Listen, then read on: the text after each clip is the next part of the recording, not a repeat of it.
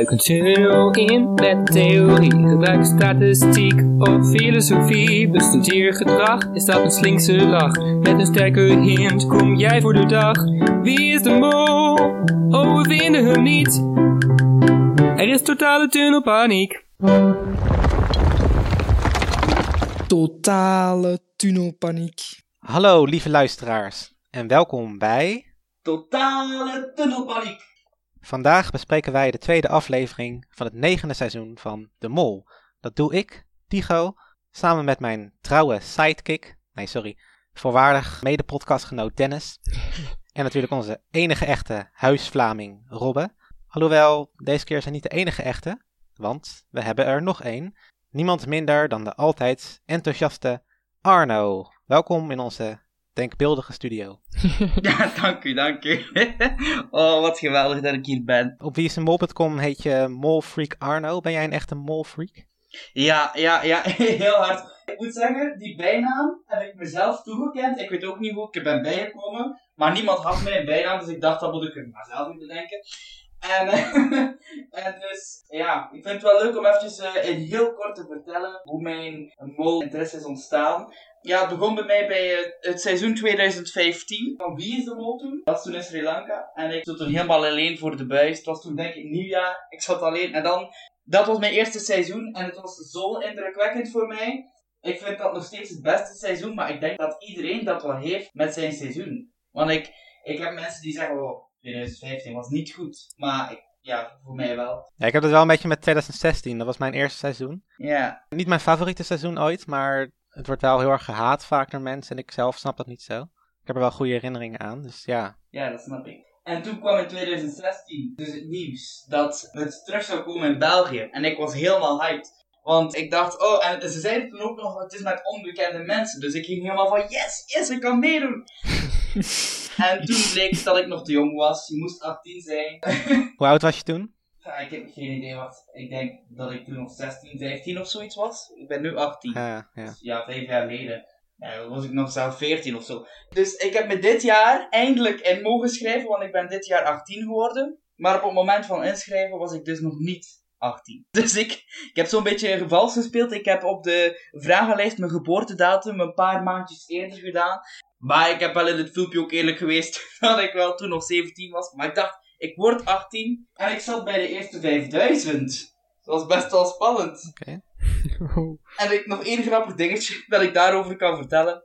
Is, je kreeg toen te horen op het laatste. Als je niet geselecteerd bent, krijg je niks meer te horen. Dus ik dacht, oké, okay, zal wel. En ik hoorde heel eind niks tot de zomer. En opeens kreeg ik dus een mailtje van Woestijnvis, de mol. En ik dacht echt, oh my god, jongens, het is zover, het is zover.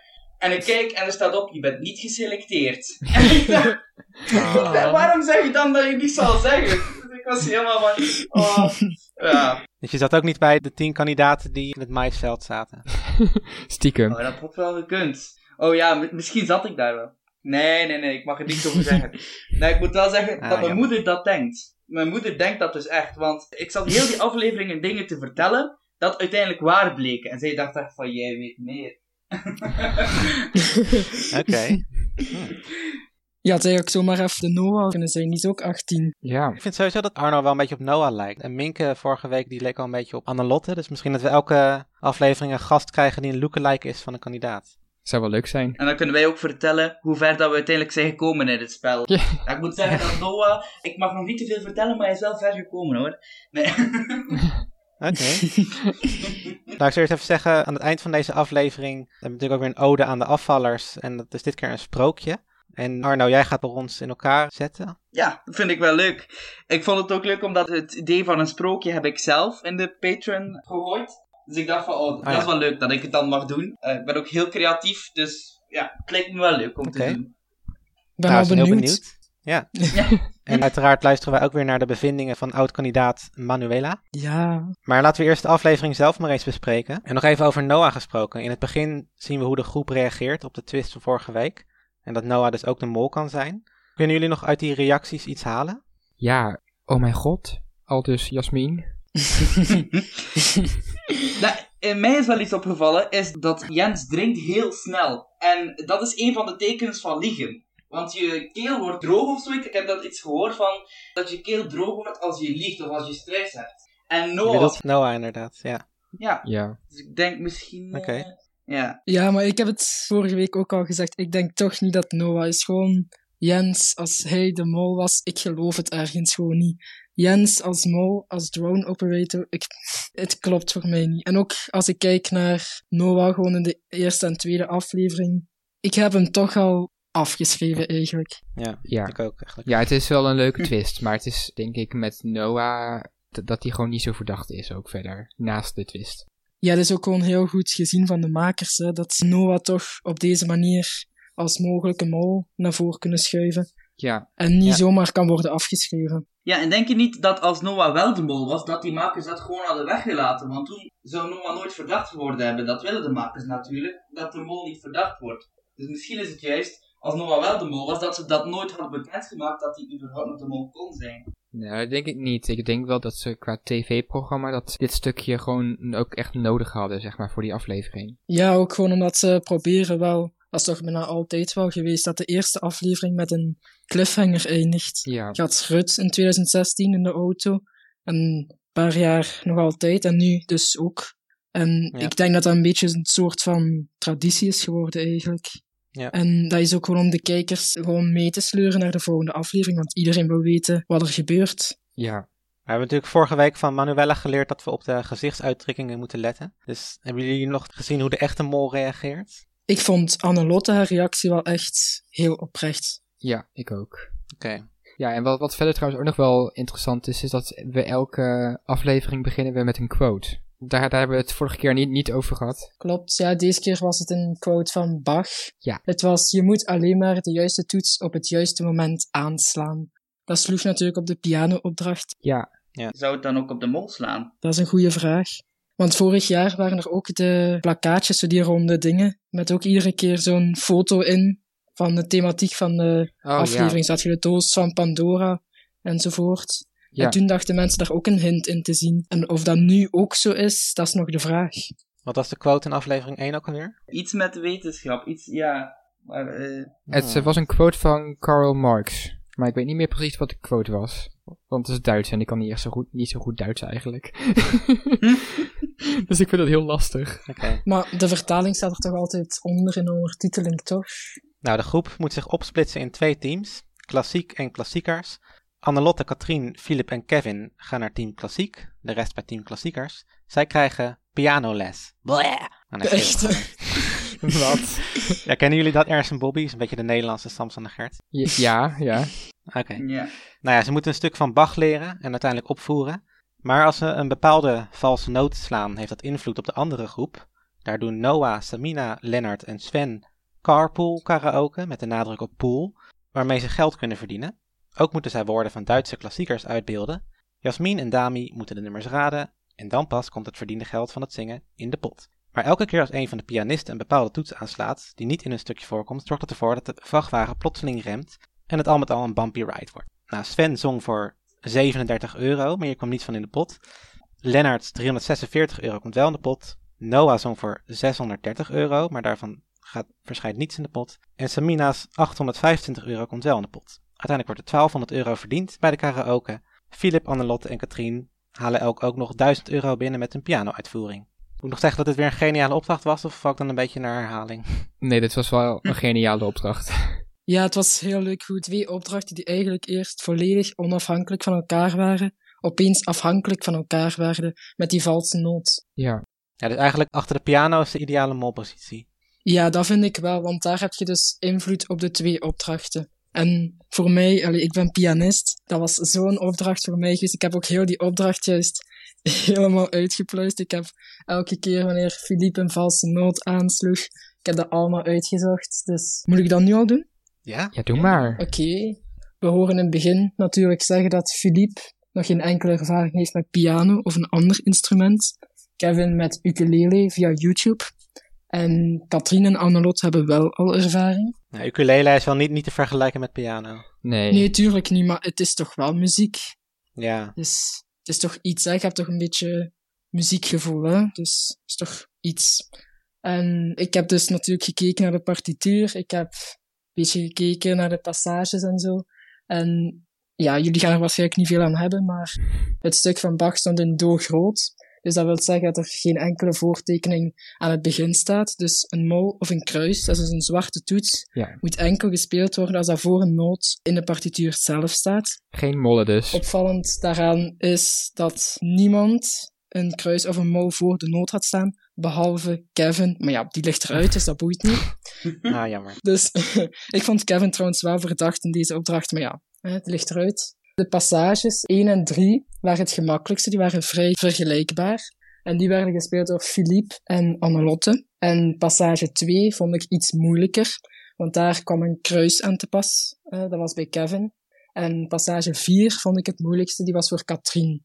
Kevin zei aan het einde van de opdracht dat hij de verdeling raar vond. En daar ben ik het wel deels mee eens. Want Kevin had wel gerust van passage mogen wisselen met Annelotte. Want het niveau was toch wel wat anders omdat er kruisen en mollen in waren. En Annelotte heeft ervaring. En nu gaat Robbe de hele ensemble van Bach voor ons opvoeren.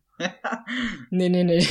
Dus het was wel raar, want eigenlijk vanuit de edit zie je een beetje dat Kevin dat zegt, van ik vond de verdeling raar, en dat er dan ingezoomd wordt op Katrien. Alsof, zeg maar, Katrien het makkelijkere gedeelte had. Terwijl het dus eigenlijk Annelotte is die het makkelijkere gedeelte had als ervaren speler. Ja, Annelotte had eigenlijk net zoals Philippe vier maten. Een maat stelt vier tellen. En de eerste twee tellen van de maat waren iedere keer hetzelfde als de laatste twee tellen van die maat. Dus ja, dat was echt heel vergelijkbaar met Philippe zijn stuk. En daarom vind ik het raar dat dat stuk aan Annelotte is gegeven en niet aan Kevin.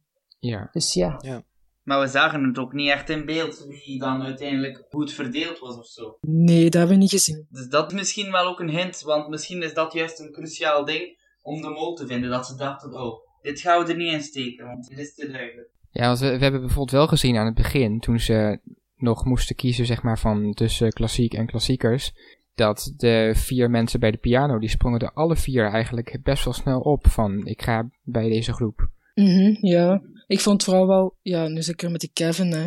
Die ging er ook zomaar even bij, maar ja. Ik vond de hele aflevering Kevin verdacht en opeens kreeg het rode scherm, dus Ja. ik ben nog een beetje aan het bekomen. Oh my god, ik moet er even aan komen. Ja, ik heb daar dus een theorie over. Ik denk misschien, want ik let altijd op wie verdenkt wie. Daar, da- daar let ik enorm hard op. En ik denk misschien dat Kevin Philippe verdenkt en dat hij hoort van Philippe wil bij de klassiek. Dan ga ik daar misschien gewoon in mee. Want Philippe ging erin en dan ging Kevin er ook in mee. En later, ik wil nog geen spoil, maar ja, eh, bij de volgende opdracht ging Kevin dan samen wijn proeven met Philippe. En alles wat Philippe zei was niet goed voor Kevin. Hij was echt, hij probeerde zo weinig mogelijk te luisteren naar Philippe. Dus ik denk misschien Ja. dat Kevin een tunnel had op Philippe. En Kevin is eruit, dus ja. ja, dat zou zeker goed kunnen. Ik moet sowieso wel zeggen, ik vond Philippe sowieso heel verdacht. En na deze aflevering dacht ik ook echt van, hey, Philippe Memo, ik heb het al juist maar beginnen. maar toch, hij was heel de aflevering echt aan het mollen, behalve dan die 1000 euro verdienen, het pianospelen. Dus dat vond ik wel echt heel raar, dat hij dat deed als mol. Ja. Maar nu, de focus werd heel die piano-opdracht lang op Philippe gelegd, want bij hem werd duidelijk dat de valse noot op de piano de hoge sol was. En de hele tijd als hij iets verkeerd deed, werd dat in beeld gebracht. Terwijl we bij Kevin, Annelotte en Katrien eigenlijk heel weinig hebben gezien ten opzichte van Philippe. Ik heb een heel overzicht gemaakt van elke scène die we zien in die opdracht. Kunt je terugvinden op wieisdemol.com slash forum. Ja, dat is echt opvallend hoe lang het lijstje is met alle scènes van Philippe en Katrien samen.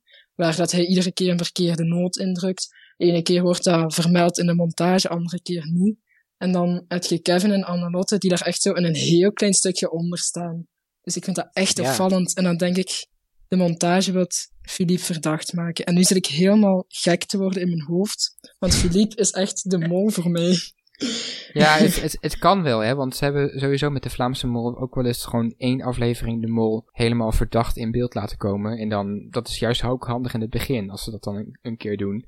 En als ze dan de volgende afleveringen hem niet meer zo verdacht in beeld brengen, dan ga je hem ook weer vergeten als verdachte. Maar doen ze dan elk, echt elk jaar? Nou, ik weet niet of dat zeg maar zoiets is wat, wat ze elk jaar doen, maar het valt me wel op dat sowieso de mensen die de mol zijn, dat die af en toe echt ook wel gewoon verdacht in beeld gebracht worden. Bijvoorbeeld Eline ook in de allereerste aflevering eigenlijk al. Dat er best wel focus, Ah, ja. focus werd gelegd op die quizvraag die ze niet wist. Maar ik denk ook misschien dat het ook zo kan zijn dat ze eh verdacht maken dat het er volgende week uitgaat. Dat is ook wel meestal dat de Ja. afvaller van de vorige week volgende week eh, redelijk verdacht wordt gemaakt. Dus Ja. daar ben ik een beetje bang van. Ja, dat hoop ik niet.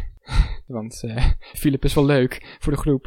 Ja, ik vind Philippe ook echt heel leuk, maar het is ook bij de test, zei hij, ik ga al in op één kandidaat. Toen dacht ik, ja, lap, daar gaat mijn mol, hè. Ja, het is, zit er nog, ik vind het echt heel opvallend. Twee kandidaten die slechter doen van de vijf. Dus hij gaat nu wel denken dat hij juist zit, volgens mij. Maar dat kan ook best wel, want je hebt ook wel vaker bij de Vlaamse Mol dat er één of twee mensen dat die echt al heel erg in het begin dat die gewoon all in gaan op één iemand en dat het dan ook de juiste mol is. Ja, of hij dekt Ja. zichzelf in als mol. Dat hij nu doet alsof dat hij de mol al door heeft, waardoor dat iedereen denkt, oh het is normaal dat hij zo ver komt, doorkomt, want het lijkt alsof dat hij het door heeft. Ja, Ja. Maar voordat we allemaal dezelfde tunnel induiken, zijn er bij de klassiekers nog verdachte dingen gebeurd? Nee, maar ik wil nog iets zeggen over de piano-opdracht eigenlijk. Oh Ja, ik ga weer over Philippe praten, hè. Oh ja. er wordt drie keer heel duidelijk in beeld gebracht hoe hij die valse noot, dat is dus de hoge sol, indrukt. Maar naast die drie keer zien we ook heel duidelijk, of ja, heel duidelijk, heb ik kunnen afleiden door te horen en door te kijken dat Philippe nog vier keer de valse noot heeft ingedrukt zonder het echt benoemd werd door Gilles of door het plattegrondje in beeld werd gebracht. Dus ik vind dat wel opvallend. Hij heeft heel veel de valse toets ingedrukt. Maar ja, we weten Ja. niet wat de rest heeft gedaan. Allee, Katrien hebben we nauwelijks zien spelen. Annelotte hebben we ook nauwelijks zien spelen. Kevin een beetje, maar daar weten we niet wat de valse toets was. We weten alleen bij Philippe dat de valse toets de hoge sol was. Want het zou me verbazen als bij Annelotte en bij Kevin ook de hoge sol de valse noot was. Want die ligt, als je kijkt naar de partituur, veel verder dan het notenbereik van Philippe. Dus we hebben heel veel informatie over Philippe, wat hem heel verdacht doet lijken, maar heel weinig over Katrien, Annelotte en Kevin. En dat is echt, daar zit ik helemaal vast. Je kan bijvoorbeeld als Katrien kun je ook gewoon heel goed zeggen van ja, ik kan prima piano spelen, bla bla bla. Maar je kan af en toe gewoon eventjes, ja, welke toets was het precies? De hoge sol. Kun je gewoon even aanslaan. Ja, die Philip valt het niet op, want die, die heeft er toch geen verstand van. Nee. Je kan het gewoon heel subtiel doen en verder gewoon prima spelen. ja. En dan heel makkelijk geld ophalen waar iedereen bij is. Ja, ik denk ook dat de focus hier best wel heel erg ligt op dat je dus molt door zelf die toets in te drukken. Maar je kan natuurlijk ook nog bedenken van je kan ook mollen op een andere manier. En Katrien en Annelotte, die, die hadden best wel kennis, maar die hebben bijvoorbeeld ook... Annelotte, die heeft Kevin echt gewoon een hele tijd gewoon verkeerd laten Mhm. spelen. En daar kwam Katrien dus later achter. En die heeft het toen verbeterd. Maar ik bedoel, dat kan ook een best wel goede molactie zijn. Ja, ja. Ja, anti-molactie van Katrien. Ja, zeker. Want Katrien kon wel laten gebeuren, uiteindelijk. Maar Ja, ofwel denkt ze van, oh, er is toch nog zo weinig tijd, want dat werd ook gezegd in de montage van, ja, ze hebben nog maar een klein uurtje en het komt nu pas te weten. Dus misschien denkt Katrien als mol ook wel van, ja, ik zal het nu wel verbeteren, want hij gaat het toch nooit meer kunnen verbeteren. Ja, want dan kom je nog wel een beetje goed over, inderdaad, als mol. Van, oh, ik, ik heb het wel verbeterd, maar eigenlijk net te laat. Dus d- dat zou daar weer tegen spreken. Ja, het is ook zo, Philippe heeft vaak de hoge sol, de valse noot ingedrukt. En iedere keer als Philippe dus verkeerd speelde, of het was een andere noot die verkeerd was, of het was de hoge sol, iedere keer verbeterde Katrien het wel echt meteen. Zodat Philippe wel gewoon de juiste noten ging spelen. Als ze de mol was, denk ik dat ze wel vaker Philippe verkeerde noot had laten spelen in de hoop dat hij de hoge sol zou spelen. Dus Katrien had wel maar ja, natuurlijk, ze speelt piano. En dat speelt er wel echt in haar nadeel als ze de mol is. Ja, het had nog wel echt gewoon één moment ook, wat best wel zo'n molactie zou kunnen zijn, dat ze ook tegen Philip zoiets zei van, ja, je drukt de hele tijd de verkeerde toets in. En toen deze ook zeg maar die, die toets indrukken. Zo van, kijk, deze is het. dat zou wel, zou wel echt heel grappig zijn als dat inderdaad Ah, ja. dan ook de, de verkeerde toets was. En dat ze, ja, Ik zou het ook echt geniaal vinden als ze straks in die laatste aflevering zo een beeld krijgen te zien van de mol die alleen in de kamer zit en zo echt lachend naar de camera zo de hele de valse noot indrukt. Dat zou zo heerlijk zijn. Ja. Dat is wel leuk. Mag ik nog één gekke, grappige theorie hier eh, bij de klassieke om af te sluiten? Er is mij iets opgevallen, namelijk die eh, Falco, die burgemeester. Ja, ik vond het toen ik hem zag, ik had echt wel een soort James Bond schurk of zo. toen mochten ze nadien optreden. En eh, hij was echt zo vals aan het zingen, dat ik echt dacht, hé, hey, maar wacht eens even. Die Falco is gewoon de mol. Oh my god. Volgens mij, want daar heb ik inderdaad ook een beetje opgelet, zat hij er meestal wel enigszins op. Maar hij heeft gewoon, ja, qua stemgeluid, ja, dat smaak denk ik. Maar hij had inderdaad wel echt één noot die echt best wel vals ging. En toen dacht ik van, is dat misschien een hint ook van dat het dan de valse noot, want dat was precies aan het begin toen Katrien begon te spelen. Toen kwam die valse noot erin van die man. Ik dacht van, hmm, is dit dan een hint naar Katrien, dat zij dus de valse noot is in het gezelschap? Het zou ook wel bijvoorbeeld kunnen dat de noot die hij zeg maar moest zingen, dat dat bijvoorbeeld een, ik zeg maar iets, een C was. En dat hij een La heeft gezongen, dat was dan A. En dat verwijst dan naar Annelotte. Zo, dat kan ook, hè. Ah. Ik zeg maar iets, hè. Ja, zoveel mogelijkheden. Dat zou maar kunnen. Hé, hey, maar over valse noten gesproken. Dennis, wat vond jij van de zangkunsten van Sven? Ja, nou ja, hij kwam uiteindelijk ook op 0 euro uit, hè. Dus ik denk dat dat genoeg zegt. Je zag ook gewoon dat hij eigenlijk elke keer pas begon te zingen nadat de zin al was geweest. Dus ik snapte ook wel dat het op 0 uitkwam, want het kwam gewoon elke keer niet eens gelijk binnen. Maar was het niet zo dat hij op 37 euro uitkwam en dat er... Nee, het was echt 0 euro. Ja, het was echt dat- 0. Ja, Oh, ja. Oh. Ik dacht ook eerst even dat Oh. het 37 was, maar je ziet wel nog zo die teller van 37 naar 0 gaan van het was mislukt. Helemaal aan het begin van de opdracht, dan hoor je Sven echt duidelijk Ik ben wie doe zingen heel vals. Maar misschien is dat dan weer een heel ver gezochte hint of zo. Want ik ben wie doe betekent ik ben erbij. En misschien kan hij wel zeggen van ja, de bol is er ook bij. Klinkt heel Ja. ver gezocht, maar de hints zijn altijd heel ver gezocht. Dus misschien moeten we het zo wel zoeken. hè. Maar zou hij echt zo slecht ik, zingen? ik geloof wel dat hij echt zo slecht zingt eigenlijk. Ja, ik denk dat eigenlijk ook wel. Nou ja, eigenlijk als je kijkt naar de posities, inderdaad is de pianogroep is de beste positie. Omdat je daar best wel subtiel en ja, be- best wel subtiel kan mollen en van afstand. En je hebt dus wel invloed op twee verschillende geldbedragen. Maar deze groep had natuurlijk ook dubbel invloed, doordat ze zowel moesten uitbeelden als zingen. En de achtervolgersgroep die had maar op één ding invloed. Dus dat is eigenlijk de slechtste molpositie. Ja, maar hoeveel invloed heeft het nou eigenlijk echt, die rem? Ja, je gaat opeens van de ene kant naar de waag naar de andere kant, waardoor je moeilijker die woorden kunt uitbeelden. Dus Ja, maar dat duurt twee seconden of zo. ja, maar je gaat wel echt helemaal bam naar daar, bam naar daar.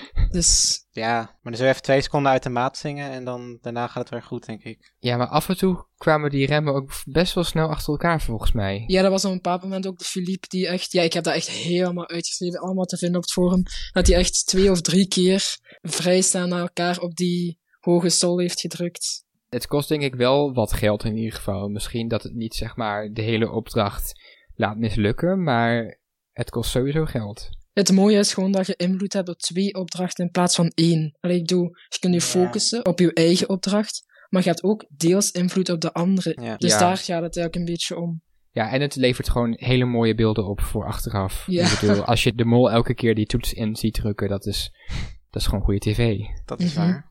Maar dus dat betekent eigenlijk dat er niemand echt verdacht is in die andere groep. Maar ja, ik heb eh, vooral zeker niet Jasmin. Zij heeft vijf, ik heb vijf, gedaan. En en een paar keer laten samen. Maar Jasmin heeft echt veel de goede antwoorden gegeven, meer dan Dami. Uiteindelijk dus uitlegt dat Jasmin de mol is. En Samira heeft ook eh, gemaakt. Praktisch heeft alles goed uit. Die heeft ook heel veel. Maar de Samira is ook. Ja, die twee Jasmin waren voor mij echt niet de mol. Ja, helemaal mee eens. Ik heb het zelf ook eh, bijgehouden tijdens het bekijken van de tweede keer. En ja, je ziet inderdaad dat Jasmin echt veel heeft verdiend ook. En Samina ook. En ja, het is, ja, het is zoals je het zegt. Je hebt gelijk. Bij de Nederlandse eh, versie van deze opdracht zag je de kandidaten heel, erg playbacken.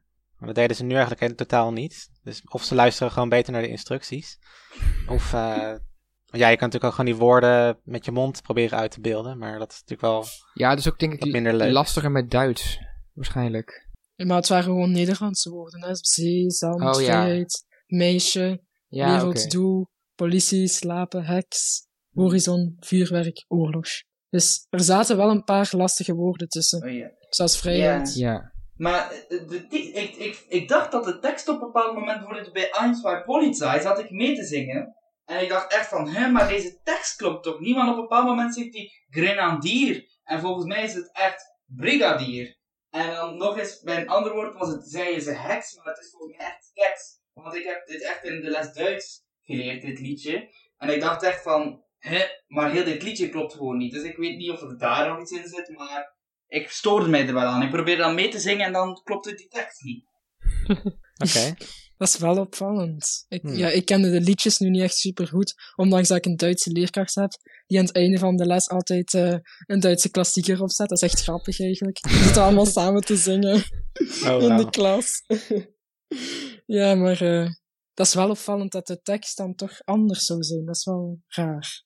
Ja, of, ofwel heb ik het gewoon heel slecht onthouden altijd, maar eh, ik- volgens, mij, volgens mij klopt het. Ja, ik denk eigenlijk inderdaad ook dat Jasmin die gaf ook twee keer het, het laatste antwoord, waarmee dus uiteindelijk eh, het geld definitief binnenkwam. Dus dat vond ik Mhm, inderdaad Klopt. eh, niet, echt niet verdacht. En Samina en Noah, die, die hebben beide met het zingen, hebben ze in ieder geval best een redelijk bedrag opgehaald. Ik bedoel, ja, dat van Noah kwam niet in de pot, maar dat lag niet aan hem, want hij was aan het zingen. Klopt. En Lennart?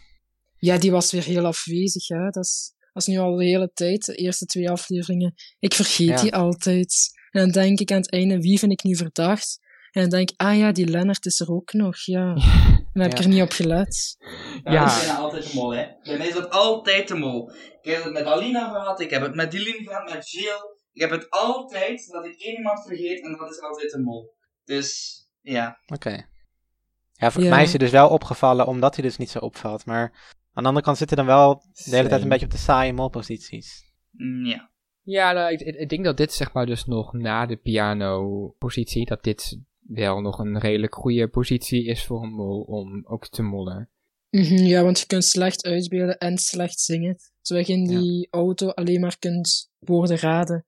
En ja, op zich, je zou daar ook nog kunnen zitten. Want dan kun je eigenlijk ervoor zorgen dat iedere keer één woord niet wordt geraden. Dan wordt er 0 euro verdiend.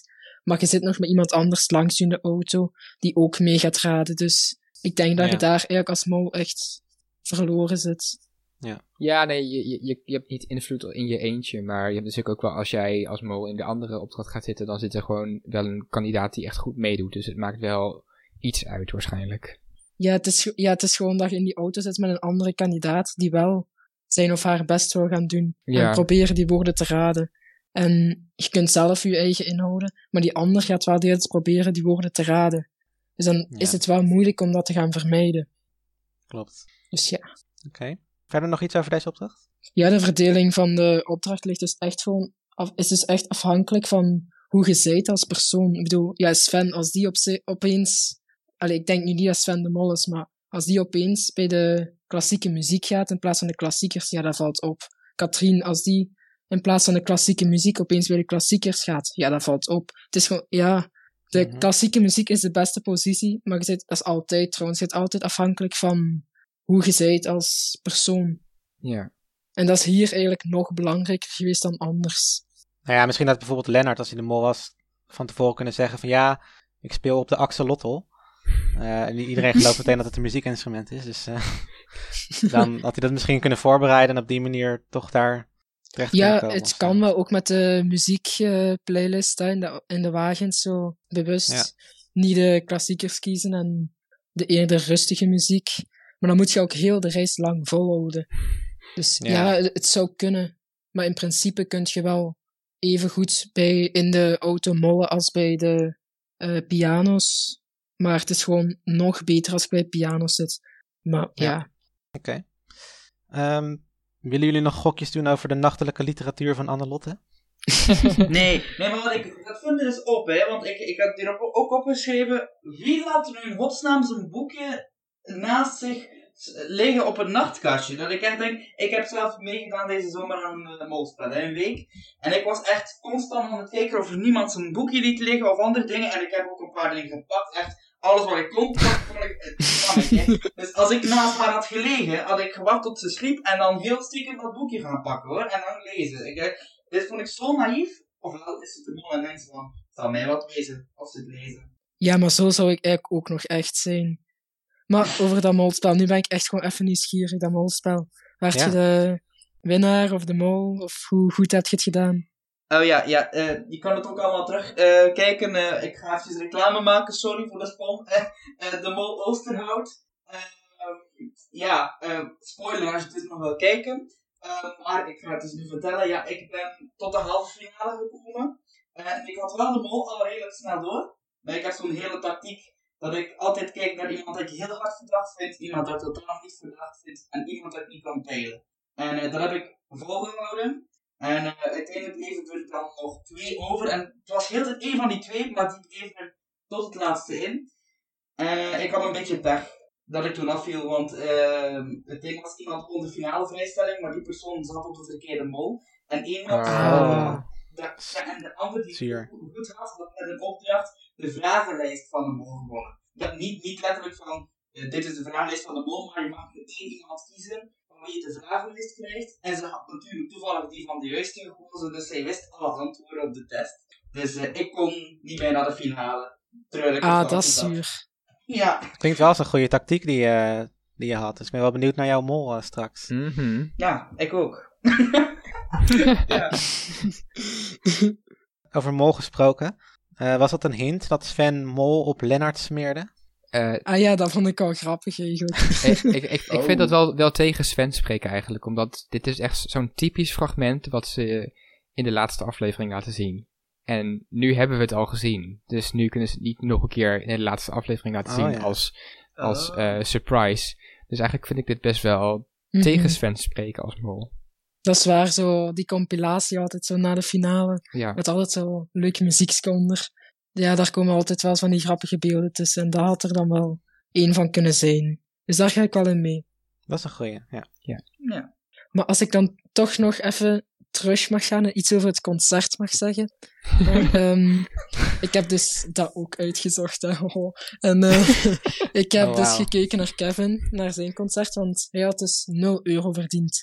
En we hadden daarvoor gezien dat hij eigenlijk een bepaald stukje van zijn passage de hele tijd verkeerd had ingeoefend. Hij heeft dus drie fouten gemaakt, waardoor hij 0 euro heeft verdiend. En hij heeft het stukje dat hij heel lang verkeerd heeft ingeoefend, volledig juist gespeeld tijdens het concert. Hij heeft dus ergens anders fouten gemaakt. Ik vind dat toch even interessant om te weten. Ik kan de mol niet meer zijn, maar is toch wel interessant om in het achterhoofd te houden.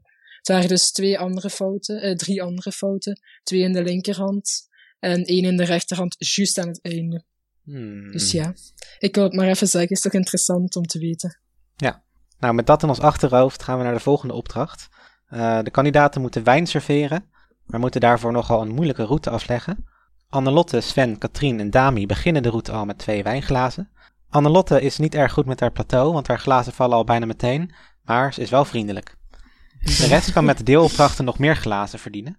Philip, Kevin en Jasmin gaan wijn proeven en verdienen daarbij één glas per persoon. Samina en Noah gaan druiven pletten terwijl Lennart meer druiven verzamelt en zij verdienen elk twee glazen. Uiteindelijk komen Sven, Samina en Noah met twee volle glazen bij de finish. Kevin en Katrien met één vol glas. En eh, ja, de rest die levert niets op. Dus uiteindelijk wordt er 1600 euro verdiend in totaal.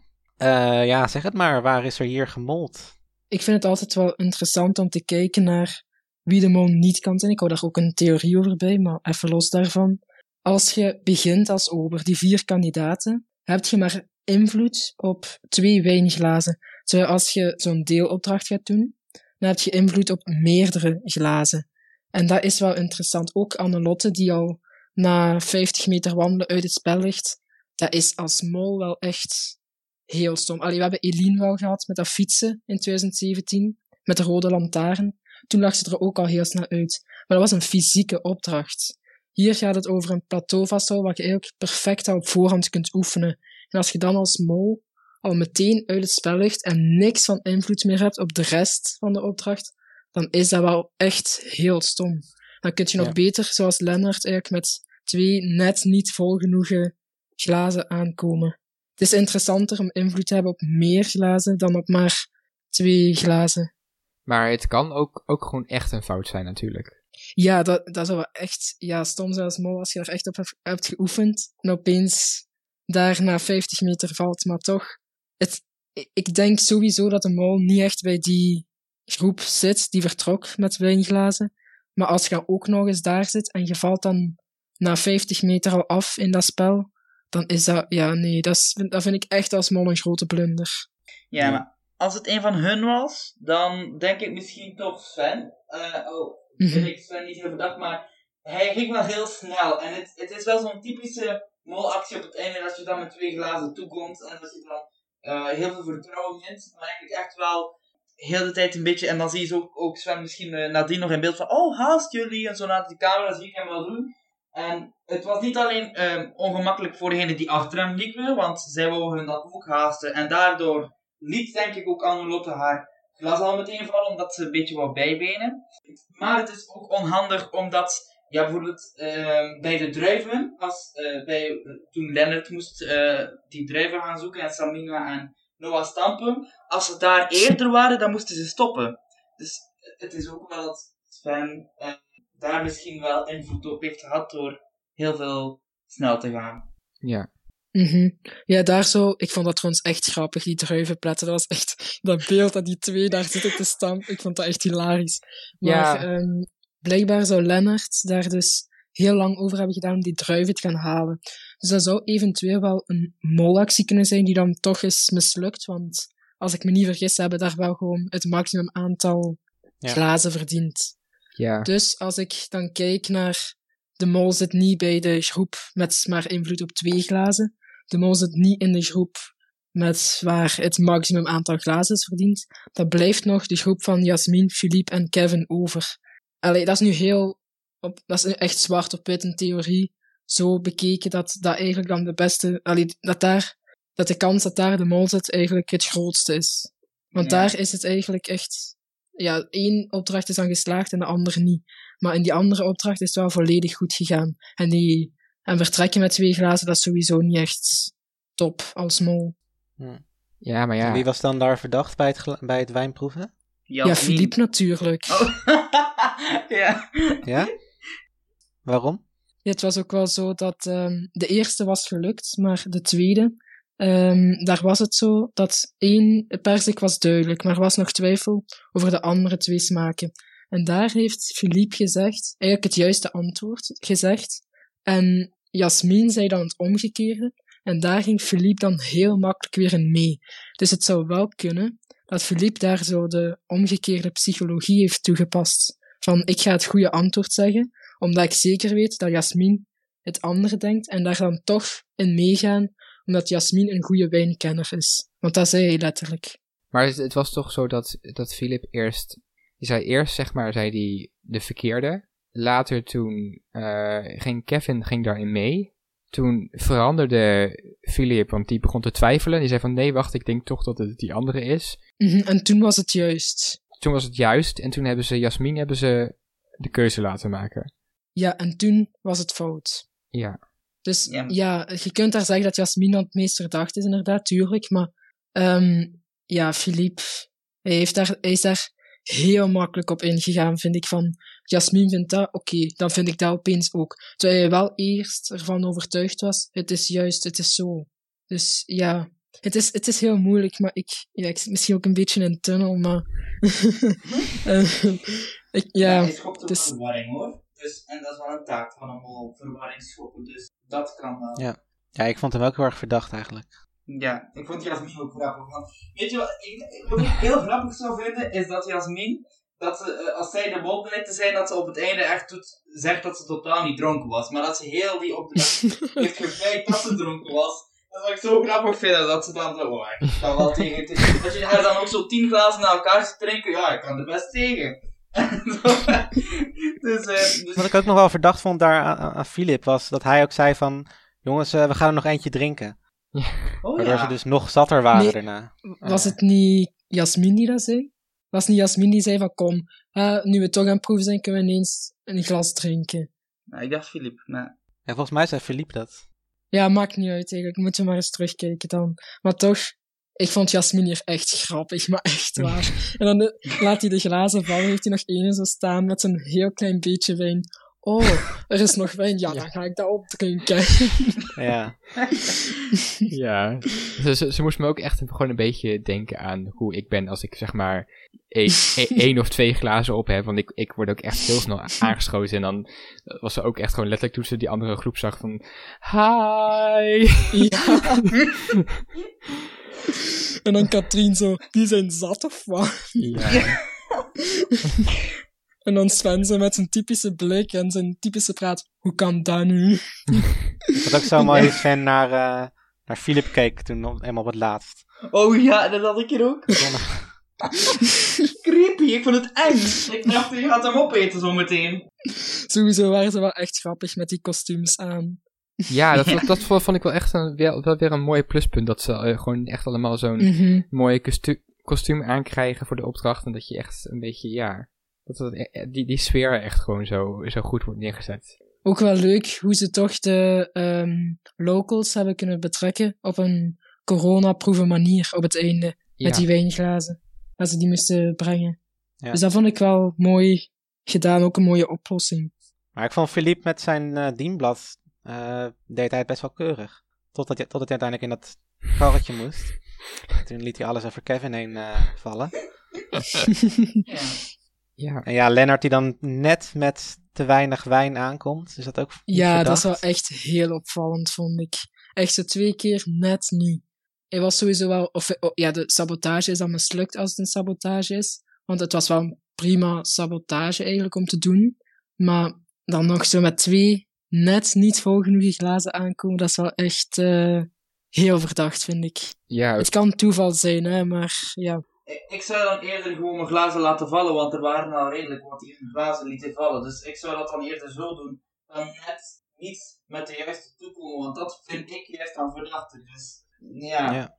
weet ik niet. Ik denk, dat, ik denk dat ik als mol hier toch wel met één glas zou aankomen. Dat is 200 euro. Je, moet- je moet toch af en toe eens even een klein bedragje verdienen voor de pot om je niet helemaal onverdacht eh, verdacht te laten lijken. Want je moet af en toe ook eens onverdacht zijn. En daar is deze opdracht eigenlijk wel ideaal voor. Eén glas is 200 euro. Ja, kom op. Eén glas dan gewoon even op voorhand oefenen. Dat je, ja, Ja. Het kan zijn dat je wel echt gewoon het totaal niet kan, zelfs na een paar keer oefenen. Maar toch zo één glas, 200 euro, vind ik toch wel mooi als mol. Nou ja, Katrien, Katrien was de enige die met één vol glas aankwam. Maar ze heeft verder ook niet heel veel invloed gehad op de rest. Mhm, ja, dat is waar. Eh Katrien en Samina ook toch? Of, oh nee, die had er twee. Grapje. Eh, nee, dat was eh, Kevin, had er één. Ja, maar die is de mol niet, hè? Nee, dat is Ik waar. vond hem echt heel de aflevering verdacht. Nee, maar ik bedoel, je, je zegt ook wel, wel oefenen. Maar hoe oef, oefen je, zeg maar, om een wij- wijnglazen te, te, ve- te serveren van een, van een ro- rotshelling bijna af, zeg maar? ja, maar ja, het is toch wel zo als je... Allee, als je dat nooit hebt gedaan, ja, dan kan dat toch... Dan is dat echt niet gemakkelijk volgens mij. Allee, ik heb nog nooit zo'n plateau vast gehad eigenlijk. Allee, ja, zeker niet op zo'n heuvelachtige... Nee. Zo'n heuvelachtig gebied, maar... Je kunt... Ik, ik, daar zullen vast wel trucs en zo voor bestaan, toch? Ja, Van hoe je plateau het best kunt vasthouden en zo. Dus ja. Allee, toch een beetje oefenen is toch het minste wat je kunt doen als mol dan, hè? ja, dat is waar. Ja, ik, ik vond sowieso ook toen ik de opdracht zag, dat ik wel van, oh, dat kan misschien wel gevaarlijk ook zijn. Ja, als iemand net op de ladder staat en zo'n eh, zo'n glas laat vallen op je hoofd. Ja. Dus eh, ja, is wel is toch eigenlijk wel, wel een paar keer zeg maar mijn hart vastgehouden. Sowieso. En met deze opdracht en met de vorige opdracht bijvoorbeeld ook toen eh, Samina in die vrachtwagen ging staan en toen eh, de rem werd, werd ingeduwd. Dus ik dacht van, oh jee, gaat dat wel ja, goed? straks iemand eh flauw gevallen of zo, of eh een hersenschudding. Ja. Maar dat is ook weer het verschil tussen de Belgische en de Nederlandse mol. Hè. In de Nederlandse mol zie ik ze dat niet zo van die risico's Nee. nemen. Dus Ja, nee, zeker niet naar Janine. Dat is, Nee. ze, ze durven het gewoon niet meer, denk ik. Allee, nu dit seizoen hebben ze terug wat meer gedaan, maar ze hebben zich na seizoen 13 echt wel even ingehouden met dat soort opdrachten. En dat is ook wel begrijpelijk, hè, want ja, zoiets is niet leuk, hè. Nee. Ja, en ik denk dat je met dit soort fysieke opdrachten ook sneller voor het geld gaat. Want als je echt allemaal van die zware dingen moet doen, dan, dan, dan wil je ook gewoon winnen. En dan ben je ook geen oprecht blij als je dan geld binnenharkt. Ja, als je twee uur lang van een berg moet aflopen met, met, met twee wijnglazen, dan, dan ben je wel blij als het gelukt is. Ja. Ja, en het is allemaal 400 400 euro, weet ik niet. Ik bedoel, ze mogen mij geven maar 400 euro, maar in dat spel vind ik het niet heel veel. Ik, eh, ik had toch minstens 600 verwacht of zo. Ik vond het toch ook al echt redelijk weinig. Maar ja, dat is, ja, dat is gewoon een gevoel. Hè. Het is toch sowieso, eh, ik blijf erbij, als mol moet je gewoon op voorhand een beetje oefenen. En dan kun je nog op het moment zelf kiezen van of ik ga met één of twee of meerdere glazen aankomen, of ik laat bewust wat glazen vallen. Dan kun je nog als mol zelf kiezen, maar het is gewoon handig om toch een beetje, ja, hoe zeg je, ervaring te hebben. Toch geoefend te hebben. Verder nog iets over deze opdracht? Oh ja, he- he- ook helemaal op het einde. Heel kort was eh Jasmin, vond ik heel raar dat ze opeens kwam van... Oh, wij denken dat je voor een vrijstelling of pra- pasta hebt gespeeld. Dat ik Oh eh, waar komt dat opeens? Ja, ehm Vanuit de wijn of zo. Ze had gewoon te diep in het glaasje gekeken. Ja. Het was sowieso wel echt een grappige aflevering deze keer. Ja. Oh, ik heb me echt doodgelachen. Nou, na de opdracht verdeelt de groep zich in twee auto's en die worden naar een geheime bunker toegeleid. En daar wacht wederom een executietwist ze op. Daar gaan ze de makkelijkste opdracht ooit spelen. Ze moeten 45 minuten lang niet op een knop drukken en dan verdienen ze 3000 euro. Nou, zo gezegd, zo gedaan. Einde. Tot volgende week. Nee, zo simpel is het natuurlijk niet. Uit elke groep zal één iemand moeten afvallen. Maar de groep die als eerste op de rode knop drukt, hoeft niet naar de eliminatie. En dan vallen er van de andere groep twee mensen af. Er komt ook nog een groene knop in het spel, die 5000 euro kan opleveren als die in de laatste minuut wordt ingedrukt. Om de knoppen te bereiken moeten ze eerst de code ontcijferen. De groep van Lennart, Jasmin, Annelotte, Samina en Katrien doen het het snelst en duwen op de rode knop. Hiervan worden Dami en Kevin de slachtoffers. Zij moeten het spel helaas verlaten. Ja, uiteraard wordt er geen geld verdiend. Het had natuurlijk wel een beetje aan te komen. Maar Dennis, vorige week had jij het erover dat je groepsgevoel niet moet onderschatten. Dat je iedereen het gunt om door te gaan. Zou jij in deze opdracht ook nog op die manier hebben gedacht? Ja, maar dit is anders. Want Oh. v- vorige week kon iedereen door. Dus dan, dan, Ja. dan speel je ook echt voor een groepsbelang. En nu was het zo van, oké, er gaan sowieso twee mensen uit. En eh, als ook maar één iemand in die andere groep het in zijn hoofd haalt om op die knop te gaan drukken, dan is jouw kans om af te vallen is zo hoog geworden opeens. Eh, dus, dus ik denk dat je hier als kandidaat kan je alleen maar op de rode knop drukken. Anders Ja. Dan, dan ja, ben je gewoon eigenlijk te naïef bezig. Ja, dus eigenlijk was het niet echt een, een dilemma, maar was gewoon... Nee. Iedereen wilde eigenlijk gewoon die rode knop indrukken. Mhm, ja, het was wel een heel mooie locatie ook voor deze opdracht. En Ja. ook gewoon, ja, ik, ik vond het ook wel echt heftig. Twee afvallers van de vijf. Voor hetzelfde geld zat de mol in die groep. Ik heb het bij het jubileumseizoen ook gezegd. Toen, hè, want toen was het ook zoiets met eh, twee op de vier of zo. Ja. Dat was nog heftiger volgens mij, maar dit vond ik ook al heftig. Ik, ja, ik, ik, ik, had het, ik had deze opdracht liever in aflevering 1 gezien aan het einde, in plaats van de naamplaatjes zoeken in het kasteel.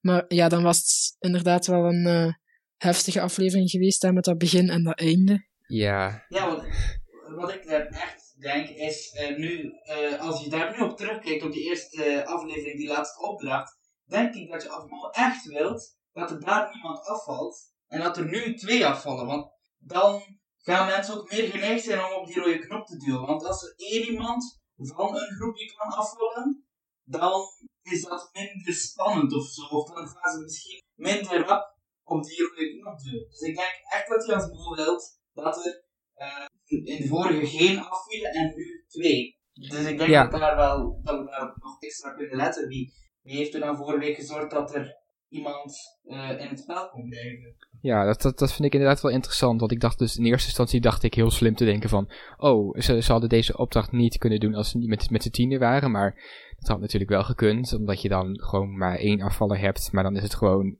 één iemand van, van, één- van de groep, zeg maar. In plaats van twee. Dus dacht van, oh shit, dan klopt het toch weer niet. Maar wat jij nu zegt klopt inderdaad ook. Dat is toch wel weer een soort van extra reden om, om wel daar nog naar te kijken. En ook omdat natuurlijk de, de verdeling is gewoon iets mooier. Dat je 5 tegen 5 hebt in plaats van 5 tegen 4. Ja, 5 tegen 4 was wel heel oneerlijk geweest, hè. Want dan had je zelfs een kans van 1 op 3, of, of heb je dan zelfs ook al 2 op 3? Ah nee, nee, want dan zouden ze niet twee afvallers hebben gedaan. Nee, nee, dan heb, dan heb je... Ja, ik, ik vraag me sowieso wat ze hadden gedaan hoe ze deze opdracht anders hadden gedaan als er wel iemand was afgevallen. En daarin is het wel sowieso interessant om, zoals jullie zeggen, om te kijken naar wie naamplaatjes hadden gevonden. Vorige Ja. aflevering. Of ze hadden het dan misschien een aflevering later gedaan of zo? Nee, dat denk ik sowieso niet. Want dan heb je twee groepen van vier. Hè? En dan heb je één afvaller van de vier. En dat is wat ik juist zei. Dan heb je één afvaller van de vier. Maar als de mol dan in je groep zit, is dan één afvaller van de drie. Heb je 33% om af te vallen, dan heb je, eigenlijk- dan heb je eigenlijk de treinopdracht van eh wie Ja. is de mol, hè? Maar oké, maar met, met een oneven aantal zou het niet werken, denk ik. Nee, met een oneven aantal zou ik deze opdracht ook echt niet doen. Maar de makers kennen dus zullen vast wel plan B, C en misschien zelfs D hebben gehad. Dus Ja. misschien was die een heel andere opdracht geweest dan, hè. Als ze niet met negen waren. Maar het is, ik ben sowieso niet echt fan gewoon van... een verstoppertje doen. nee, maar ik ben sowieso niet fan van een, eh, van zoveel vrijstellingen eigenlijk in één keer uit te delen. Oké, op zich, één van de vijf had ik nog wel oké gevonden, maar twee van de vijf is toch wel echt al op het randje. Het kan nog net voor mij, maar ik vind het toch wel echt heftig. Iets, iets te veel van het goede. Het is dan wel dat het gewoon heel goed uitgevoerd is. In principe. Mhm, ja, het is ook gewoon nu, we zijn aflevering 2. Ik bedoel, ik, ik denk niet dat nu eh, iemand die goed zat op de mol zou afgevallen zijn. Nee. Dat nee. zeker niet. Wat wel is gebeurd in Wie is de Mol, maar eh, ja, het is toch gelijk heftig. Als je dit vergelijkt met die opdracht in het afgelopen Wie is de Mol seizoen, met, eh, waar we ook heel veel kritiek op hadden, waarin er ook 5000 euro eigenlijk werd geboden op de kans om scherm niet te hoeven zien. Oh, jongens. Ja. ja, er zijn wel echt heel veel verschillen in de zin van dat bij Wie is de Mol was het een hele simpele veiling. En het was het enige wat je hoefde te doen. Ja, ik bedoel, ze zeiden hier ook wel dat het de meest simpele opdracht was. Maar het was toch wel iets minder simpel dan gewoon zeggen van... Nou, ik bied 5000 euro en dan eh, heb ik een groot voordeel. Eh, dan, dan had je natuurlijk nog wel die opdracht in de trein. Maar daarbij had één groep zo'n grote voorsprong op de andere groep dat het eigenlijk een gelopen race was. En het ook niet zo leuk was om naar te kijken. Nu was het echt een strijd tussen de beide groepen. Ja. Dus het is ook gewoon betere tv eigenlijk. Ja, En ze zijn natuurlijk gewoon met, met, met meer mensen ook. Dat, dat werkt ook wel mee. Mhm, ja, dat is echt zo anders. Ook als je in aflevering 4 zit, dan zijn er sowieso al meer kandidaten die misschien op de juiste mol zitten. En dan is het echt, begint je toch wel zo'n beetje in dat risicogevallen te lopen, dat er dus inderdaad iemand gaat afvallen die juist zit. Want eigenlijk, het idee wat ze daar hadden om eh, de groep ook eens een keer voorkennis te geven, vond ik wel interessant. Maar het, is gewoon, het heeft de treinopdracht helemaal niet meer interessant gemaakt omdat het gewoon te veel informatie was. En ook gewoon het bieden op eh, voorkennis was totaal niet interessant. Ja, dat was, ik ben sowieso niet fan van biedingen. Zo in het midden van het spel. In het begin, zoals vorig jaar in de mol, dat vond ik nog wel oké. hè maar Mhm. eh, het midden van het seizoen vind ik echt not down. En ja, het is... Het, het, het voorkennis geven aan een kandidaat is interessant, maar het is zoals vaker een beetje dat Wie is de Mol eigenlijk goede ideeën heeft, maar het niet zo heel goed uitwerkt. Hey, hoe vonden jullie de gesprekken tussen eh, Jasmin en eh Philip? Vonden ze een beetje goed liegen?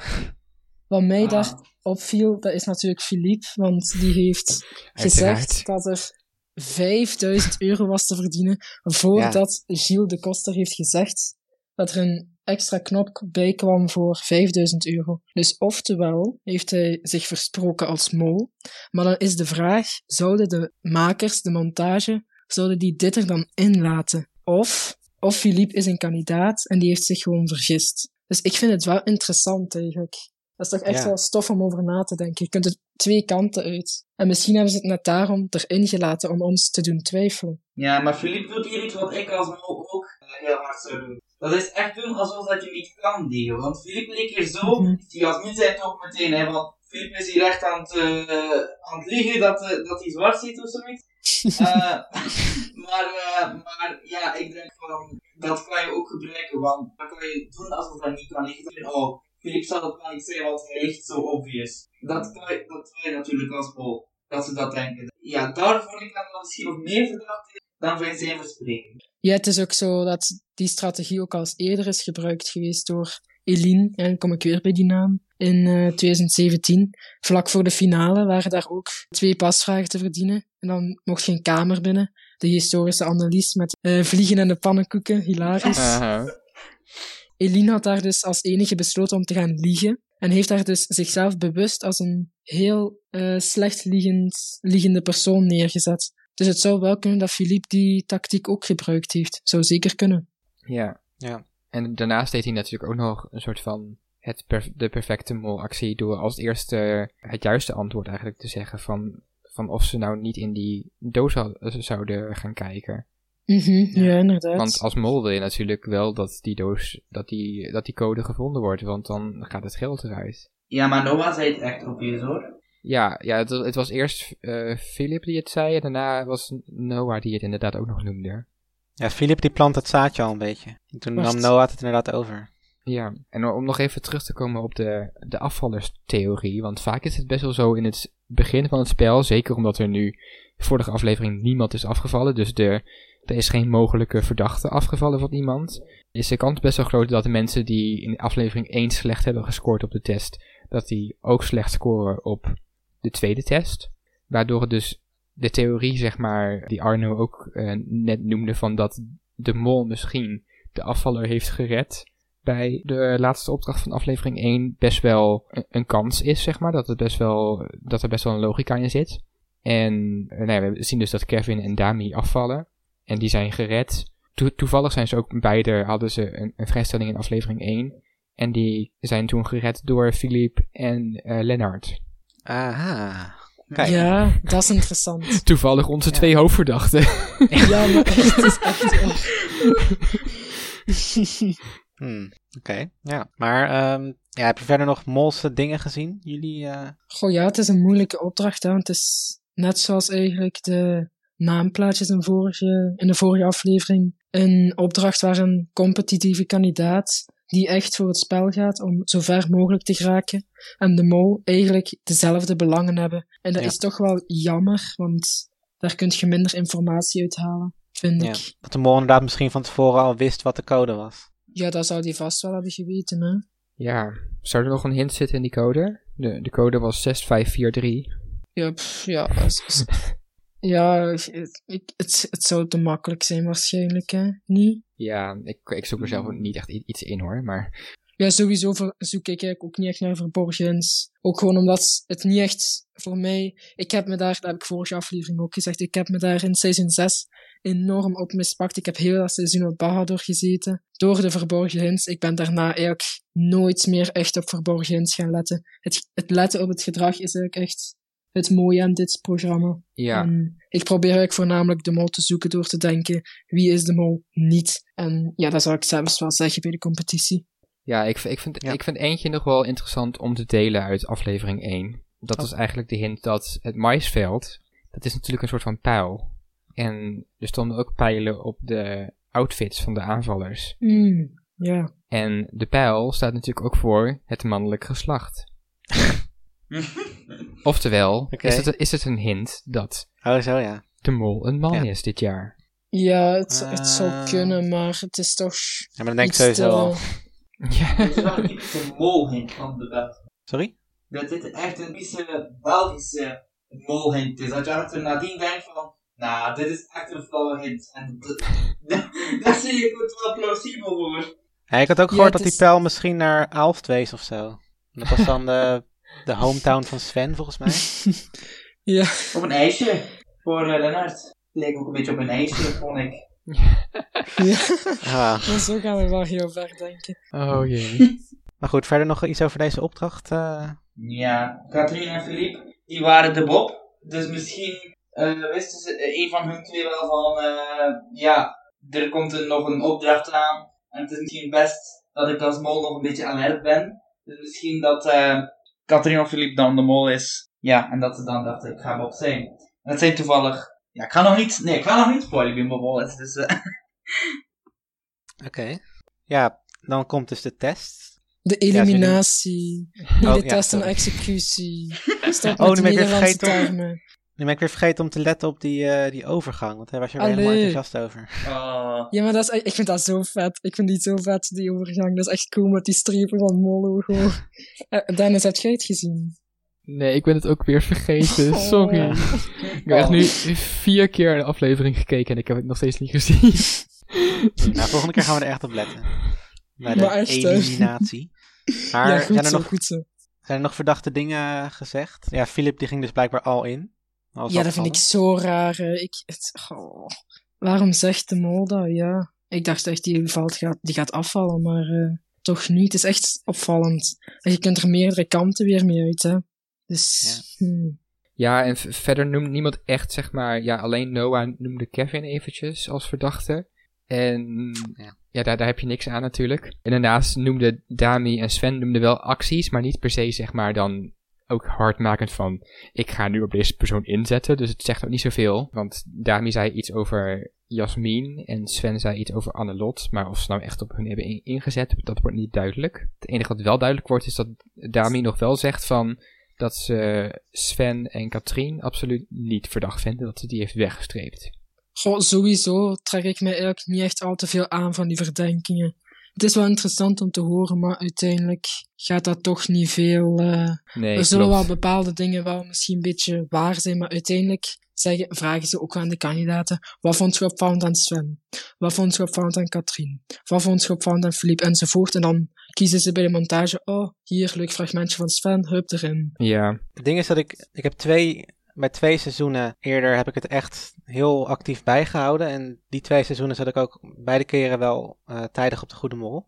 En heb ik ook echt het idee dat dat me toen geholpen had. Maar ik heb sowieso de laatste seizoenen doe ik het eigenlijk niet meer zo. Maar dat, ik heb ook het idee dat, dat ze wat minder info daarin prijsgeven. Maar het is altijd een beetje de kunst om toch op andere manieren dan te ontdekken van bijvoorbeeld Kevin. Hoe die bij dat wijnproeven deed tegen Philip, een beetje wantrouwig. Nou, daar kun je uit opmaken dat Kevin misschien dan deels op Philip zat. Ja, je Dus, zou ook eh, kunnen zeggen, ah ja, want Kevin zei dat hij het opvallend vond dat hij een moeilijker stukje kreeg bij pianospelen. Dus daar zou je ook nog kunnen zeggen dat dat verwijst naar Katrien, Annelotte, eh Philippe. Ja. Ja. Dat zou ook nog wel plausibel kunnen zijn. Ja, dus ik denk inderdaad wel als je alles helemaal uitgebreid bijhoudt, dat je er wel iets uit kan halen. Maar Arno, jij, jij bent wel een beetje van de wie verdenkt wie, toch? Ja, ja eh, wel, ik moet zeggen dat ik twee, dus ik had Kevin en Philippe. En wie ik ook enorm hard met elkaar vind optrekken, en dat is niet zo heel veel in beeld, is Samina en Noah. Die zijn ook wel vaak bij elkaar. Mijn zoon. Ja, en misschien is het ook wel omdat ze een goede band hebben, maar ik zie het ook wel nog voor mogelijk dat een van de twee de ander door heeft als mol. Dus eh, ja, ik denk dat het mogelijk is dat die twee elkaar verdenken, dus daar kunnen. Oh, wat ik nog trouwens heel kort wil zeggen, sorry, maar het valt mij zo hard op dat Noah zo fanatiek is. Oh, ik moet zo hard lachen met die jongen, zeker in de carpool karaoke, dat is zo fuck liep. Ik dacht echt, oh, Ja. wow. Ja, ik- Dat was echt grappig. Helemaal kapot met die gast. Dus, ehm Ja. maar ja, dus die twee verdenken elkaar. Ik vind het wel opvallend dat bij de, de Vlaamse je altijd veel minder van bondjes dan bij de Nederlandse. Ja, toch denk ik wel dat er... Ja, toch denk ik wel dat er af en toe een beetje aan gedaan wordt. Allee, zo, maar niet zo fel als bij Wie is de Mol in Nederland. Dat niet. Maar als ik kijk naar ehm, het seizoen in 2018, Mexico, daar hadden Joke en Pascal volgens mij wel zo'n klein verbondje, als ik mij niet vergis. Daar, ik heb dat ooit eens gelezen in een interview, dat die echt nog zo in de laatste aflevering zo'n klein verbondje hadden, maar dat Pascal niet helemaal eerlijk was, waardoor Joke eigenlijk helemaal de weg kwijt was. Ik weet niet meer wat het was. Maar ik denk Ja. dat daar wel af en toe wordt gedaan, maar het wordt gewoon niet in beeld gebracht. Ja. Door nooit was wel eentje die heel hard in beeld werd gebracht, toch? Goh, hadden ze echt een verbond? Ze, ze, trokken veel met elkaar op, maar deelden ze ook echt verdachten en zo met elkaar? Nou, het was gewoon een bromance. ja. Ja. Maar sowieso is eh Bahadur bewust één aflevering eh, heel veel bij Lloyd gebleven, omdat hij twijfelde tussen Lloyd en Pieter. Dus besloot hij op Lloyd te gaan letten. En dat was dan met die tequila-opdracht en zo. En toen wist hij van, oké, Lloyd is het niet. En toen is hij ook echt Pieter gaan verdenken, waardoor hij hem heeft kunnen dwarsbomen bij de geldkoffertjes aan de Mhm. luchthaven, hè. Met Jeffrey als afvaller. Mhm. Ah, ja. Ja. ja. Memories. Oké. ehm, ik ben eigenlijk wel benieuwd wat eh, Manuela te zeggen heeft over Ja, Deze ze aflevering. heeft weer een eh, audiofragment ingestuurd. Dus eh, daar gaan we naar luisteren. Ja. Hallo jongens, een updateje van mij. Twee afvallers, waarvan ik Kevin toch wel verdachte mol te zijn. Philippe, die manipuleert de anderen toch wel wat en het gaat hem ook nog goed af. Met de wijnproef was de Sven heel goed, maar hij kan wel op voorhand geoefend hebben. Wie ik niet verdenk, dat zijn uh, Samina en Jasmin. Die zijn altijd zo blij dat ze geld in de pot kunnen brengen. En die doen een, op een opdracht altijd zo met veel enthousiasme en plezier. Dus die verdenk ik niet. Ik zou ook zeker op de knop drukken. Als dat de manier is voor wat langer in de mol te blijven, dan moet je dat zeker doen. Ik zou totaal niet twijfelen voor op die knop te drukken. Filip eh, en Jasmin zijn al elkaar gewaagd. Ze, ze kunnen heel goed discussiëren en ze nemen wel beslissingen in de groep. Dat uh, Dami er ging afvallen, dat zag ik wel aankomen. Oh, heel spijtig, maar dat, zag ik aankomen. Maar de Kevin, dat zag ik totaal niet aankomen, want dat was wel een van mijn verdachten. Uh, als Philippe de Mol moest zijn en hij zat aan de, aan piano, dan kon, hij wel heel goed mollen, want hij kon echt, ik weet niet hoe dikwijls, op die rode knop drukken. Dus eigenlijk, die Philippe, die zou wel echt eens uh, voor mij de mol kunnen zijn. Uh, als ik jullie nog een tip kan geven, hou de spreuken helemaal in het begin, schrijf die goed op en uh, houd die goed in, to in het oog. Ik hoop dat jullie hier wat aan gehad hebben. Uh, tot de volgende week. Dada! Oké, okay, nou schrijf dus inderdaad als tip ook om de spreuken op te schrijven. Dat is inderdaad wel een uh, goeie. Ja, to toevallig. Is echt... het. en dat hebben we juist niet gedaan. ja. Ja, we moeten beter luisteren naar uh, Manuela. ja, maar ze heeft wel echt gelijk. Ik vind dat haar ja. audiofragment heel mooi samenvat. Wat wij eigenlijk vandaag hebben gezegd. Echt ja. uh, geweldig eigenlijk. Ja, ze zit ook op, uh, op de mannen, hè? Ja, dat wisten we al, hè? Ja, dus, ze noemt ook inderdaad Philip als, als verdachte. Ja, en daarnaast ook nog Sven. Mm -hmm, ja, dat is ook wat ik zei ook, hè, met het op voorhand oefenen. Nu, Sven zit sowieso in de horeca, dus ik denk niet dat hij daar echt bewust voor zou moeten hebben geoefend. Die kan dat waarschijnlijk wel al een beetje, maar uh, hij heeft dus wel die ervaring om het uh, op die manier aan te pakken tijdens die proef. Ja. ja. Wat ik wel grappig vind om te zeggen is dat ik vorige week, ik werkte ergens en ik dacht echt toen dat ik Emmanuel had gezien. Ik, ik had deze, de vorige podcast dan nog niet geluisterd en ik had zoiets van, oh, heet ze ook alweer? Want ik, ik, weet, ik wist alles, ik zag haar alles, maar ik kwam op haar naam niet. En toen hoorde ik haar in deze podcast en ik dacht, oh, volgens mij heb ik haar gezien. Maar ja, natuurlijk niet. Oh. Dus uh, Emmanuel, als je in knokken was, laat het me weten. Ik heb je gezien. En trouwens, als, uh, ik wil toch even zeggen, uh, Manuela is um, in een uh, lokale zender, lokale radiozender, komt zij elke zondag te gast samen met een andere fanatieke mollevanger om te praten over deze aflevering. En dat is Radio Barbier One Line. Dus ik wil dat toch even benoemen, omdat ja, okay. ik toch... Ja, dus mocht iemand willen luisteren tussen 11 en 12 iedere zondag, kan je naar Manuela luisteren op Radio Barbier. Ja, dus het is uh, ooit dat wat wij wel eens horen in, in de Nederlandse uh, mol van wil je nog meer Wie is de Mol? Is dit een soort van wil, wil je nog meer Manuela? Altijd. Ja, het is, uh, nu weten we toch waar haar talent eigenlijk vandaan komt om alles eigenlijk zo mooi samen te vatten in één mooi audiofragment. Heel leuk dat ze dit doet voor ons. Is toch echt, ja, precies. Echt leuk en, dat ze dat voor ons... Uh... Is toch echt exclusief iets... Uh... Ja. Nou, dan gaan we maar naar de competitie. De competitie. Ja, we gaan weer de afvaller voorspellen. De winnaar en de mol. Ik zal deze keer beginnen met de afvaller. Ik heb nu al twee keer Katrien gezegd. Ze is nog twee keer niet afgevallen. En ik denk dat ik toch maar gewoon blijf bij Katrien. ik, van de kandidaten die er nu zijn, denk ik toch dat ze maar dat denk ik in het begin al. Denk ik toch dat ze eens moet gaan afvallen. Ja, maar Katrien kan alles. Katrien kan met, met, met pijlen schieten. Katrien kan piano spelen. Katrien heeft horeca-ervaring. Ik bedoel, ja.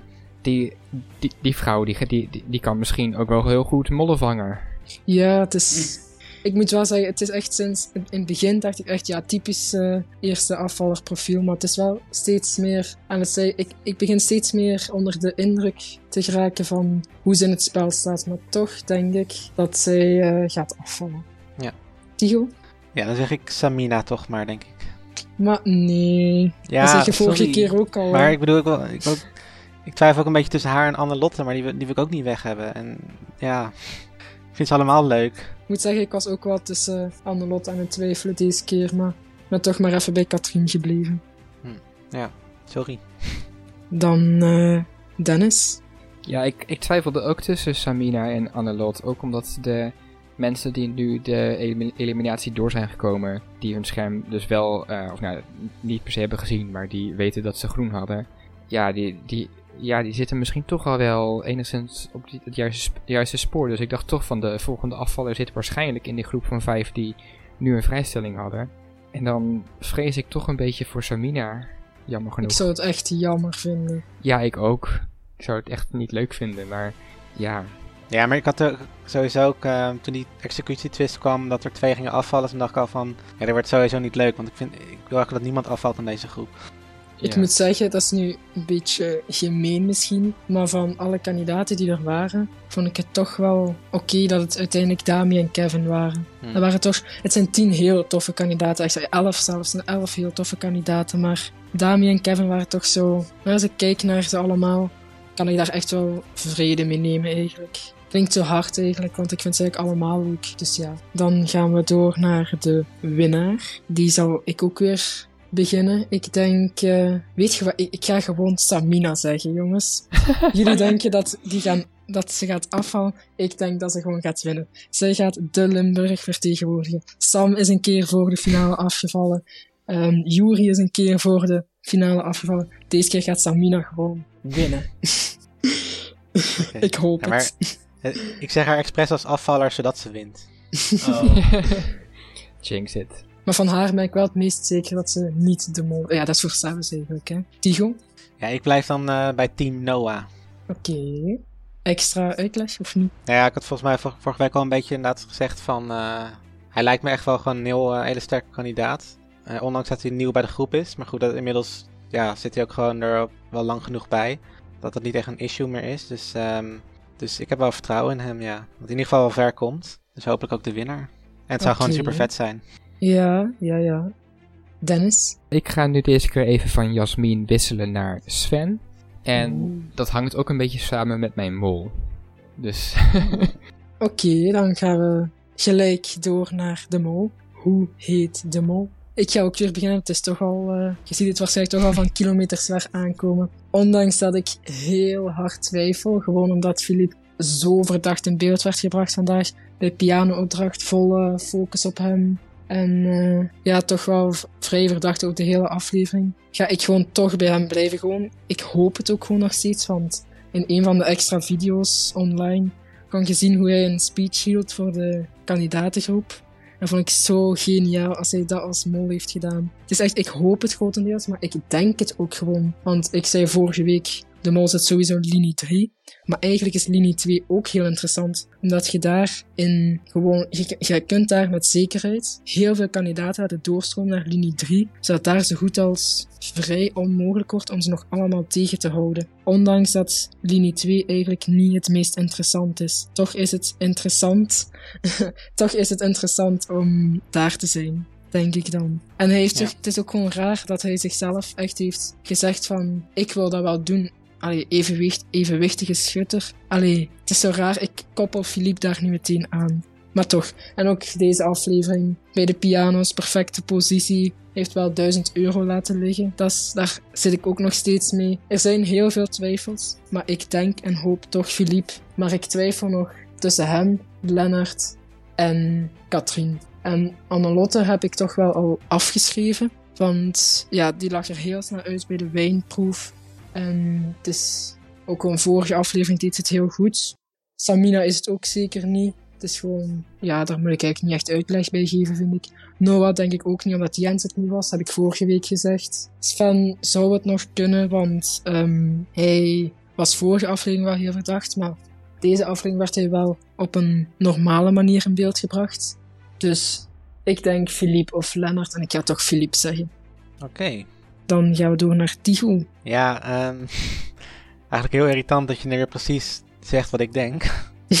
Want we willen dus niet Ja. weer dezelfde tunnel belanden. Maar ik had inderdaad ook na de aflevering dat ik eigenlijk heel erg twijfelde tussen Philip en Lennart. En in het pre-René-tijdperk zou ik misschien dan hebben gezegd: en is Lennart, want die viel gewoon niet zo op. Maar ja, nu heb ik zoiets van: ja, de mol kan tegenwoordig ook een wat ouder iemand zijn die juist wel heel erg opvalt. Dus ja, ik, ik hoop dan meer dat het Philippe is. Dus Ja, zou toch geniaal zijn. ja, dus dan, ja, dan, dan zeg ik ook maar Philippe. Maar ja, hopelijk zegt Dennis iets anders. ja, Dennis, zeg het eens. Ja, ik, ik probeer nog wel mijn vizier nog open te houden, zodat het niet te veel in een tunnel belanden. Dus eh, op mijn verdachte lijstje heb ik dan toch nog wel inderdaad ook Philippe, eh Lennart, Katrien.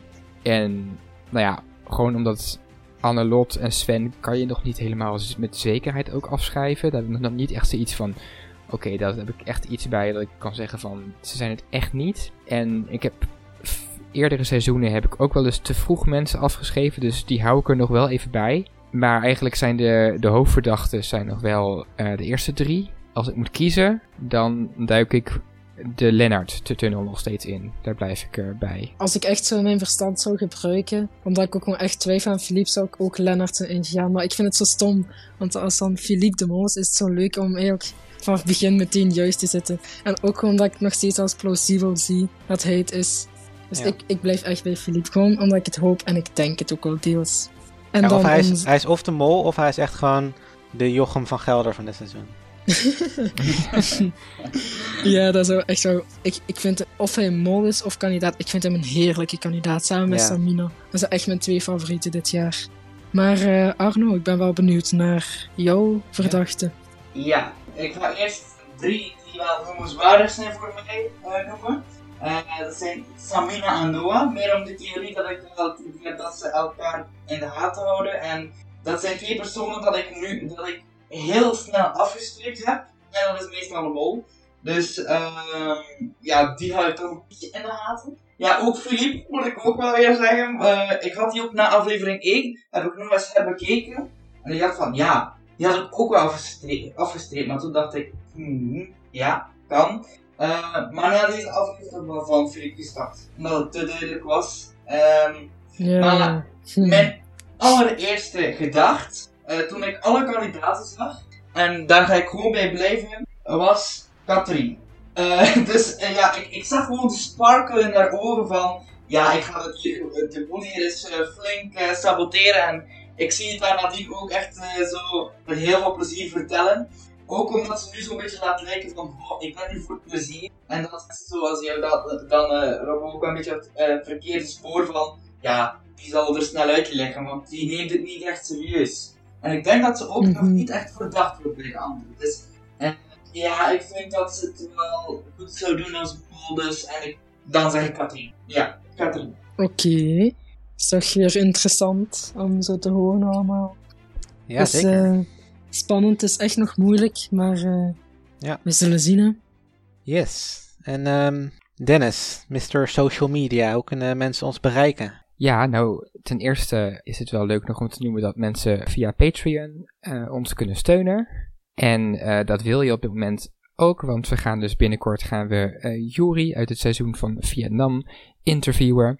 En dat Yes. in- interview zal natuurlijk te zien zijn voor de mensen die ons steunen. Of nou, te zien, te horen, uiteraard. Daarnaast komen er natuurlijk weer leuke events aan. En ja, nog meer leuke voordelen in het verschiet. Dus eh, als je dat wilt doen, super. Daarnaast kan je ons natuurlijk gewoon volgen op eh, Facebook, op Instagram en op onze podcastkanalen. En natuurlijk wieisdemol.com. Slash forum. Slash, slash Ja. forum. Oké. Ja, Nou, ook, zonder, eh, ook zonder slash forum kom je er ook wel, maar Ja, ja, ja, ja, sowieso. Ja. Oké. nou, dus eh, iedereen zeker eh, patron worden, of paniekzaaier, zoals wij dat dan noemen. ja. En ehm, dan gaan wij zo luisteren naar het sprookje van, eh, van Arno over de afvallers. Dus, ehm, maar eerst, eh, ja, wil ik jullie allemaal bedanken. Jij eh, in het bijzonder, Arno, dat jij te gast was deze aflevering. Ja, dank Ja, je. goed dat ik gedaan, Arno. Ja, dank u. Ja, ik vond het zo leuk. Nou, dank, dank je voor je goede bijdrage. En eh, volgende week dan zijn wij er weer. En dan eh, moet Sven weer lachen. Zien we een gast in zijn eentje in de zweefmolen zitten. En alsof dat dan niet sneu genoeg was, wordt hij ook nog lastig gevallen met de vraag of hij een hond heeft. En worden Lennart en Samina vergiftigd. Nou, daar gaan we het uitgebreid over hebben. En dan is ook weer een nieuw persoon te gast. Dus ehm, ja, tot volgende week. Joe. Tot volgende week. Er was eens een stotterende viswijf genaamd Kevin. Het was een knappe prins die samen met knappe prinses Dami op avontuur ging, op zoek naar het alomythisch wezen de mol. Ze hadden allebei hun magische krachten. Kevin kon zoveel vertellen dat je volledig in de war geraakte, en Dami kon om de acht weken van uiterlijk veranderen. Prinses Dami begon de zoektocht naar de mol al liggend op een vliegend tapijt, bestuurd door hofnaar Philippe. Prins Kevin begon in het mysterieuze maisveld op zoek naar zijn jachtpijlen. Hij moest echter raadsels oplossen om de pijlen te bemachtigen, en daar was hij niet zo goed in.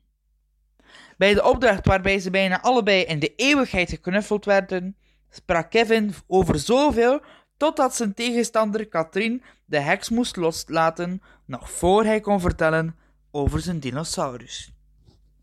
Dami veranderde zichzelf in een zeemermin, waardoor ze zo glad werd zodat piraat Samina ook moest lossen. Hun naam lag eh, later allebei verstopt in de ridderzaal. De verschrikkelijke sneeuwman Lennart redde prinses Dami van executie, terwijl hofnaar Philippe Kevin redde, redde van de eeuwige verdoemenis. Uiteindelijk blijkt Kevin beter te zijn in spreken dan spelen, want hij speelde drie valse noten op de piano, waardoor de boze wolf Falco vals begon te zingen en verslagen werd. Dami moest er wel raden in welke huid haar medespelers kropen. In die missie slaagden ze wel ruimschoots. Ze bleken ook allebei heel goede opers te zijn. En dus waren ze goed opgeleid voor een laatste strijd. In de magische bunker van de draak. Dami probeerde raadsels van de draak op te lossen door te rekenen met heks Catherine, terwijl Kevin probeerde weer te onderhandelen als een echt viswijf. Ze slaagden hier maar echt, uh, ze slaagden hierin, maar echter wel net te laat. Nu kwam de ultieme test. Twintig raadselvragen over de mol. Ze kregen hierna allebei helaas het rode scherm van verdoemenis. Nadien kwamen ze allebei wel tot een gezamenlijke conclusie van wie de mol moest zijn. Maar het heeft niet mogen zijn. Ze leefden niet lang en gelukkig.